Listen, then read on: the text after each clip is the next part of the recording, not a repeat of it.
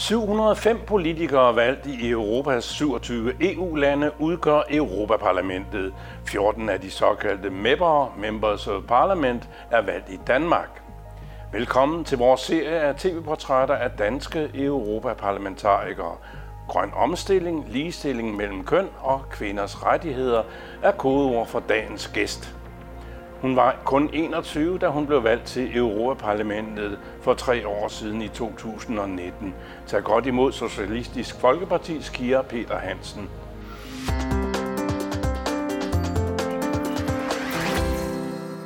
Og hvordan var det egentlig at være den yngste, da I begyndte kort efter valget, Kira?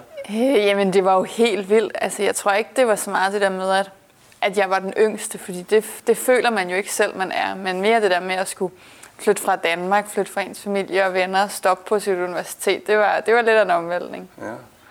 Det var et stort spring på mange måder, og du nåede et år gennem studierne i økonomi på Københavns Universitet. Var det et svært valg at tage til Bruxelles? Øhm, jeg tror, det er jo, altså, på sin vis er det jo ikke så meget et valg. Altså også øh, med den måde, jeg blev valgt på, ikke? Carsten, der jo trak sig. Det ville se lidt dårligt ud, hvis vi var to, der sagde nej, ikke? Øhm, og jeg er jo vildt glad for, at jeg fik den mulighed. Men når man står i det, så, så tror jeg, så, så har man ikke så meget tid til at bearbejde sine følelser. Så må man bare ligesom øh, følge med strømmen. Og du har tidligere øh, øvet dig lidt i politik ved at være bisidder hos Astrid Allers ved, ved, ved valget i 2017 fra SF, ikke? Og ja, så politik, det må dit hjerte jo banke hårdt for. Ja, det gør det også, og det var faktisk også Astrids valgkamp, der, der gav mig lyst til at lave europapolitik også, fordi jeg synes, det var vildt fedt at se, at en kampagne og en kampagne for en ung kandidat kunne rykke så meget. Øh, og nu, øh, nu er der jo et, et par år mellem os, men jeg tror, jeg havde en oplevelse af, at min generation ikke var så aktiv i EU-dagsordenen. Og det vil jeg gerne være med til at bidrage til at ændre. Øh, så det var også i høj grad det, der drev mig, da jeg stillede op. Mm. Ja, du har fået et par unge, friske uh, MEP-kolleger fra Venstre for eksempel, og andre, så, så du er ikke den eneste unge. Nej. og I var jo i øvrigt 755, tror jeg, i starten, ikke? Mm. Så gik England ud, så fik vi et mandat mere, som uh, uh, et venstremedlem fik her i Danmark. Mm. Så, men det er mange, 705 uh, kolleger at have, ikke? Jo. Befinder du dig godt i det virvar af politikere fra 27 lande? Ja, det synes jeg. Altså, Europaparlamentet er jo et sjovt hus, altså, fordi der er så... Altså bare sådan noget med, hvornår man spiser frokost, ikke? Jeg tror, herhjemme, så spiser vi jo frokost mellem 11 og 12.30. Det vil jeg også sige var et normalt frokosttidspunkt. Men i Bruxelles, så er frokosttiden jo alt fra kl. 11 til kl. 2. Så det er jo virkelig et, et sted, hvor man skal lære mange kulturer at kende og kunne rumme mange kulturer. Øh, men det er også helt vildt fedt, for folk kommer med så mange forskellige baggrunde. Mm. Og hvilken kultur kommer du egentlig med? Øh, hvad er din baggrund? Hvor du går i skole? Og øh, hvad, hvad startede du med i gymnasiet? Kan, kan du fortælle lidt om det? Ja, øh, jeg voksede op i Værløse, lidt nord for København, øh, sammen med min mor, og lidt senere også en papfar. Øh, min far bor i Schweiz, så jeg er også dobbelt statsborger. Øh, men, øh, men ser ikke, øh, er ikke så, så ofte i Schweiz.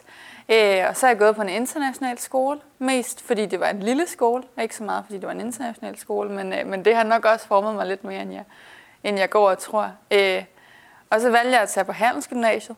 Øh, det er vi jo ikke så mange, der gør igen. Øh, og havde fag som international økonomi, som jeg synes var vildt fede. Øh, og som, som jeg tror også tændte min interesse for EU-politik. Og så var jeg over på efterskole øh, og det er jo gymnastik rigtig meget der. Øh, og det er jo, jeg tror, det var der, der fik jeg gejsten til også at lave forandring og sådan øh, rykke noget frem for at bare at være skoletræt, som jeg tror, jeg var i 9. klasse. Øh, så det er sådan lidt min, øh, min vej herhen, tror jeg. Hmm. Ja. Og et af kodeordene for dig, det er ligestilling. Øh, det, det gælder vel ligestilling mellem køn generelt, og lad os da bare begynde der. Øh, er der andre, der er ikke ligestillet end kvinder? Ja, og, og, og altså helt bredt, så handler det jo om lige muligheder for alle. Ikke? Ja. Altså uagtet om man har et handicap, om man er ung eller gammel, om man er mm. fra Danmark eller Syrien, om man er mand eller kvinde, om man er kristen eller ikke kristen. Øhm, så det er jo ligestilling bredt set, øh, hvor vi jo desværre kan se, at der stadig er helt vildt stor forskel det kommer jo også ud på økonomisk ligestilling, hvor det er jo nok især der, hvor man kan mærke det i Danmark, ikke? At, at det er ret, ret forskelligt, om du er vokset op øh, i to forskellige dele af Danmark i forhold til dine muligheder. Mm. Du er stedfortræder i udvalget om kvinders rettigheder og ligestilling i EU. Hvad laver du der, og hvad er din mål? Øh, jamen, jeg er faktisk lige blevet ordfører sammen med en af mine kolleger fra den grønne gruppe. Tak. Øh, så, og det, som der ligesom, det er ikke et udvalg, hvor vi laver særlig meget lovgivning, øh, fordi der er relativt lidt lovgivning på ligestillingsområdet. Men det, der ligesom er udvalgets mål, det er at få øh, ligestillingsperspektiver ind i alt det andet lovgivningsarbejde, vi laver. Så for eksempel, når vi laver økonomisk politik, så også kigger på, hvordan rammer det her kønnene, eller når vi kigger på beskæftigelsespolitik, hvordan sikrer vi så, at, øh, at kvinderne ikke bliver skubbet ud af arbejdsmarkedet. Øh, så vi skal ligesom øh, kønsmainstreame, øh, som vi kalder det i, øh, i Bruxelles. Øhm, så det er ligesom min opgave i det udvalg, og ellers så sidder jeg jo med det her forslag om lønåbenhed. Ja, men lad os lige gøre det med kønnene færdigt, fordi du er jo egentlig også optaget af, af, af jamen altså, lad os lige føre den ud til, at der har været en, øh, en, en lov om øh, for eksempel øh, bedre barsel til mænd i EU. En lov, der er bedre end den danske lov, ikke? Og som har været blevet katalysator, hedder det, for, for en dansk udvikling. Er der nogle steder, hvor Danmark er så til gengæld længere fremme i ligestillingen? Der er jo for eksempel lov i Danmark om, at nu skal det være, jeg kan ikke huske, om det er 20 eller 25 procent øh, kvinder i bestyrelser øh, i erhvervslivet. Hvor langt er EU fremme i den slags sager? Jamen det sjove er jo, begge de ting, du hæver frem, det er jo EU-lovgivning. Og det er det? Altså det, er jo, det var øh, øh, overlovsdirektivet, som sikrede, at man skulle have barsel ja. øh, øremærket til far. Og det er også EU's direktiv om kvinder i bestyrelser, Women on Boards, som nu afføder, at Danmark laver lovgivning på, på, øh, på repræsentation. Øh, så til at, at komme tilbage til det spørgsmål, så tror jeg, at jeg oplever, at det er især EU, der skubber på.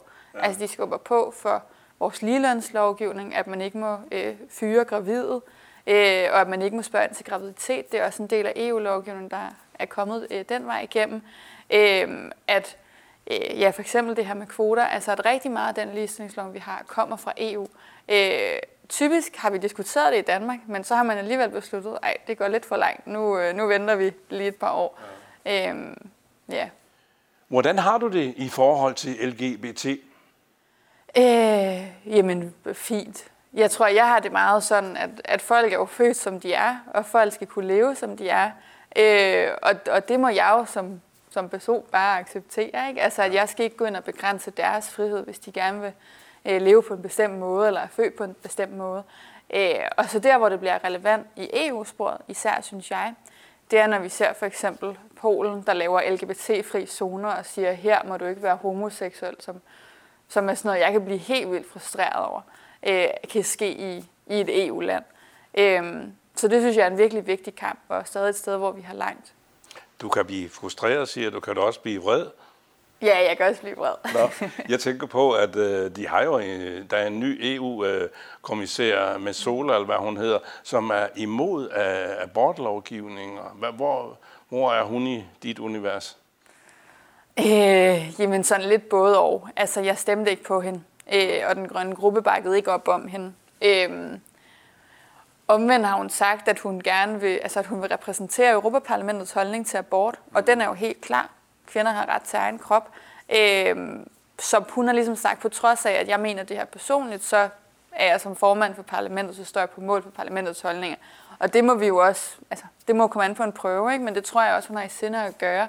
Øh, og hvis man lægger hendes personlige holdninger til side, så synes jeg faktisk, hun er en ret dygtig forperson. Øh, og meget af det, hun gerne vil, er at få, få EU mere ud i stuerne. Altså så tage med ud til medlemslandene, øh, besøge øh, skoleklasser og sådan noget. Øh, så politisk har jeg det øh, lidt svært med hende, men, øh, men som menneske og person, der har vi et godt samarbejde. Danske præster siger jo, at de må leve med kolleger, der ikke vil give hånd til kvinder, eller er vi homoseksuelle eller fraskilte. Og du har det måske sådan, at, at øh, i Europaparlamentet, der skal man kunne acceptere andre, andre synspunkter. Ja, altså man skal jo altid kunne acceptere andre synspunkter, ellers så, så lever vi jo i hver vores osteklokke. Ikke? Øhm, men jeg tror, at det, der gør, at, Altså, øh, Roberta Metsola har ikke nogen magt i sig selv på den. Altså, hun kan ikke ændre EU's abortlovgivning. Det er selvfølgelig klart, at det kan blive en udfordring der, når, vi skal, når hun skal sidde og forhandle for parlamentet og skal slå på Polen over deres abortlovgivning. Mm. Men der har jeg også en forventning til, at dem, der har støttet hende som formand, som jo også er pro den frie abort, det er jo den socialdemokratiske gruppe for eksempel, og den liberale gruppe, at de kommer til at stå meget, meget hårdt og til nøds vælte hende, hvis der hun ikke forsvarer retten til fri abort, fordi den er jo indskrevet i EU-parlamentets holdninger. Ja.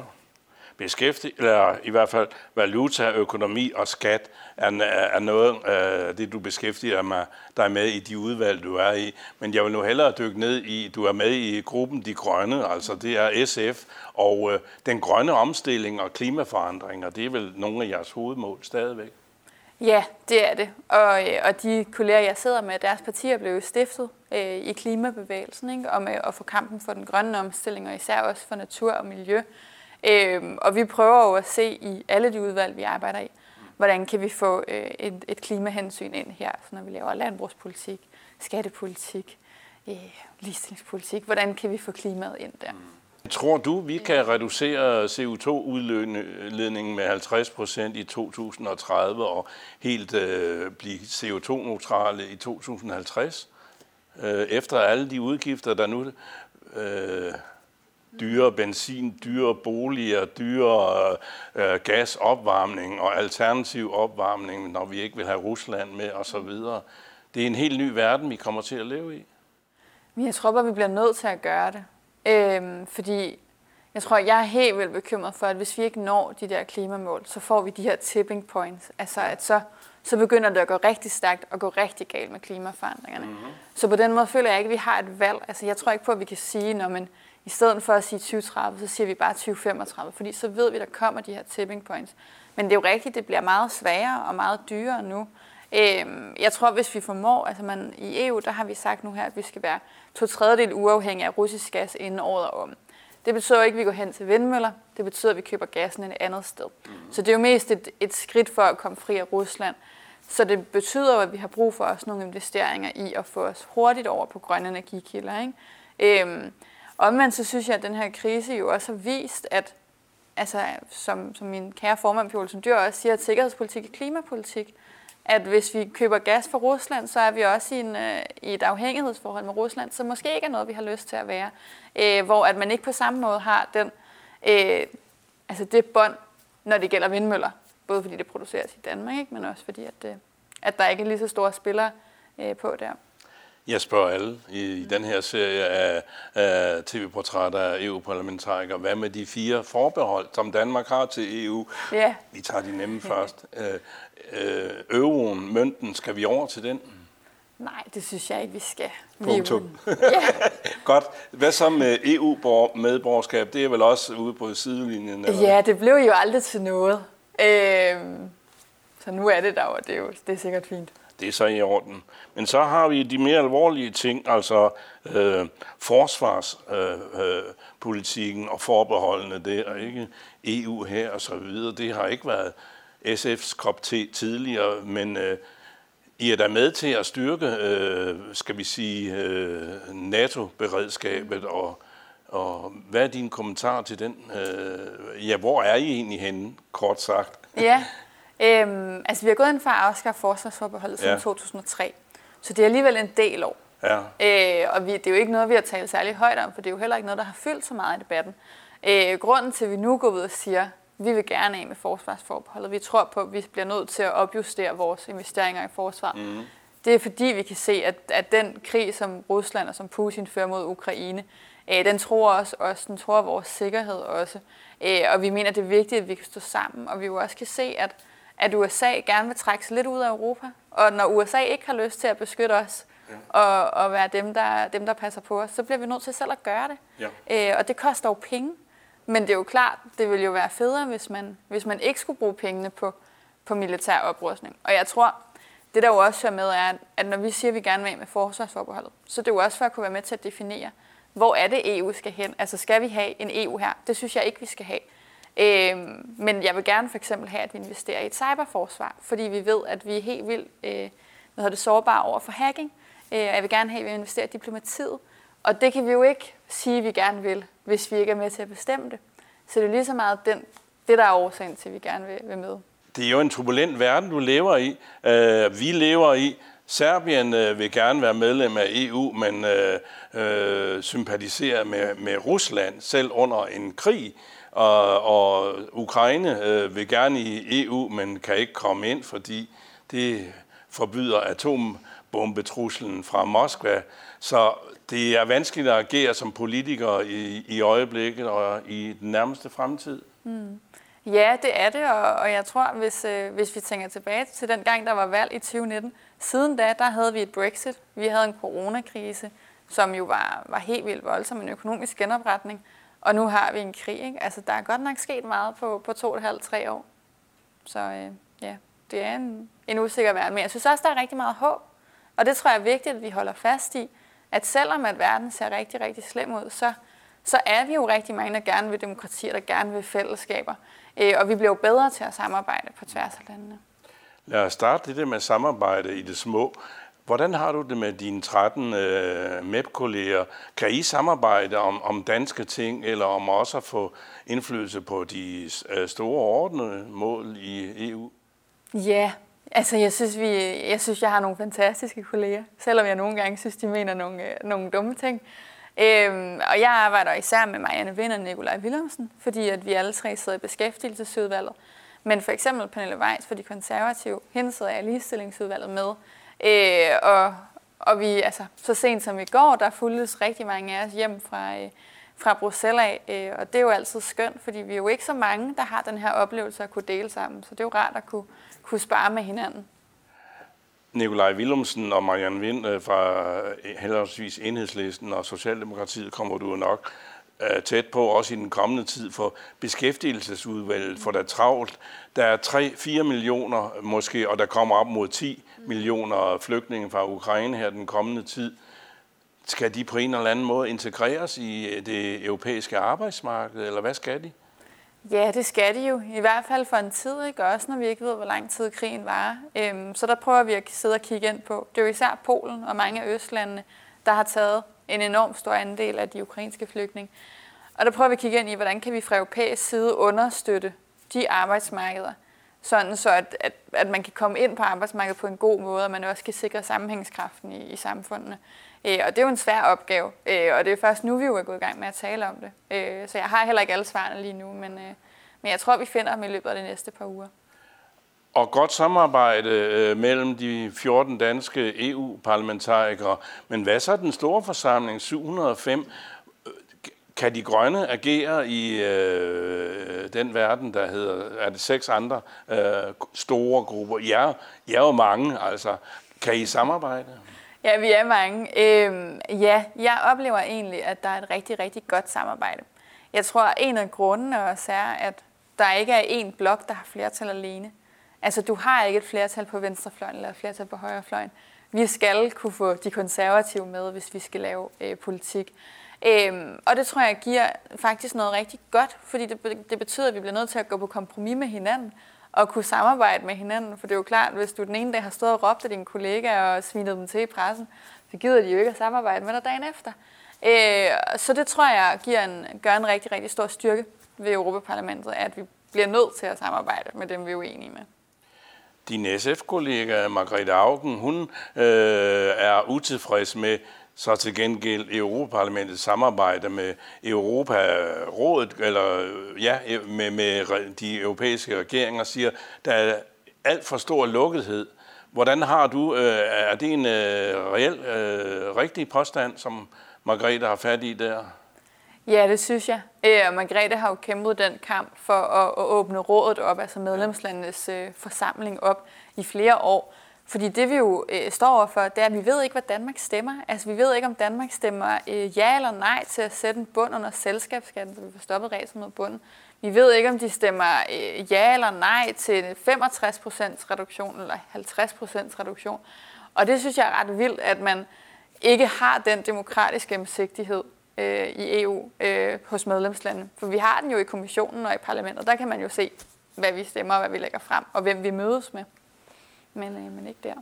Du er halvvejs, nej, ja, der er tre ud af fem øh, år gået af, af EU.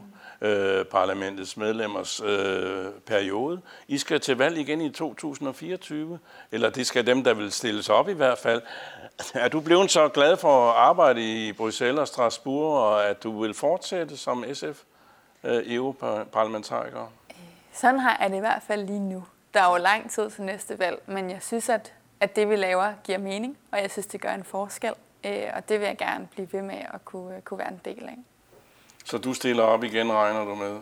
Som det ser ud lige nu. Ja. Der er jo to år til, så man, man kan jo aldrig være ja. sikker, men lige nu, ja. så synes jeg, at, at det giver mening, det jeg laver. Ja. Det er måske lettere at leve livet i en kuffert, som du gør øh, øh, som snart 24-årig, øh, en, en øh, forældre øh, EU-parlamentariker. Altså jeg tænker på en bolig i Strasbourg, en bolig i Bruxelles, og så her i København. Du har din kæreste her, og, øh, og han har vel også sit at skulle gøre færdig, så det er et øh, turbulent liv. Ja, ja, og jeg tror ikke, at det er... Ej, jeg tror, det er svært for dem, der har børn. Det ja. tror jeg helt sikkert, det er, at ja. skulle pendle øh, væk fra sin familie. Men, øh, men det er da et hårdt arbejde at skulle rejse så meget. Jeg går ud fra, at du gerne vil ende med en kandidateksamen, enten i internationale relationer, eller noget, der nærmer sig det økonomi, du ja. studerede i København. Jeg Eller tror, hvad? Jeg, øh, jeg tror, jeg bliver ved bacheloren. Den, den studieplan, jeg har sagt nu, den siger, at jeg bliver færdig i 2026. Og det er jo om, altså, det er om fire år. Ikke? Ja. Øh, der tror jeg ikke, at jeg tager en kandidat bagefter. Og så er du ellers øh, øh på vej til at lære at blive hardcore politiker. Ah, det, øh, jeg tror, øh, allerede efter jeg blev valgt, så sagde jeg, at altså, så satte jeg en grænse for, at jeg ikke skulle, skulle gro fast i politik. Mm. Øh, også når jeg er så ung at jeg vil gerne nå at have en anden karriere, end at være i politik. Det tror jeg er vigtigt, både for politik, men også for mig som person, øh, at politik ikke bliver det eneste, jeg kan og har prøvet.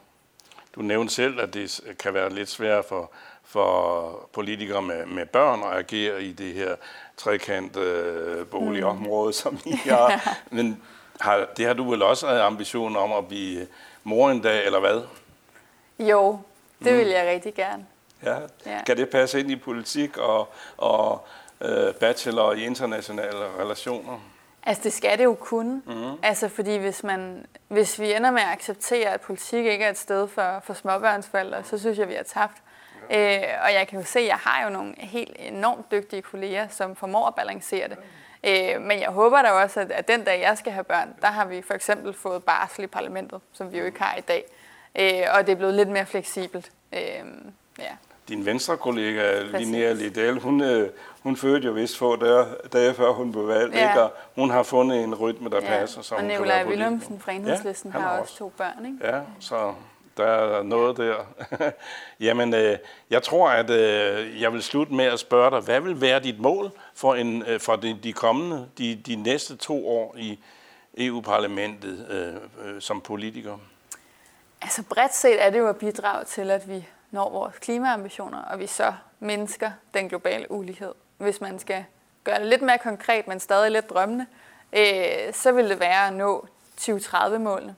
Øh, fordi jeg tror, det er jo nogenlunde den periode, jeg kommer til at være der. Øh, så jeg vil gerne have bidraget til, at vi har gjort så meget, vi kan for at komme i mål med det. Held og lykke med din fremtid, både privat og, og politisk. Tak. Tak til vores gæst, dansk medlem af Europaparlamentet for SF, Kira Peter Hansen. Tak for gode samtaler her til vores tv-portræt i serien af danske politikere i Europaparlamentet. thank you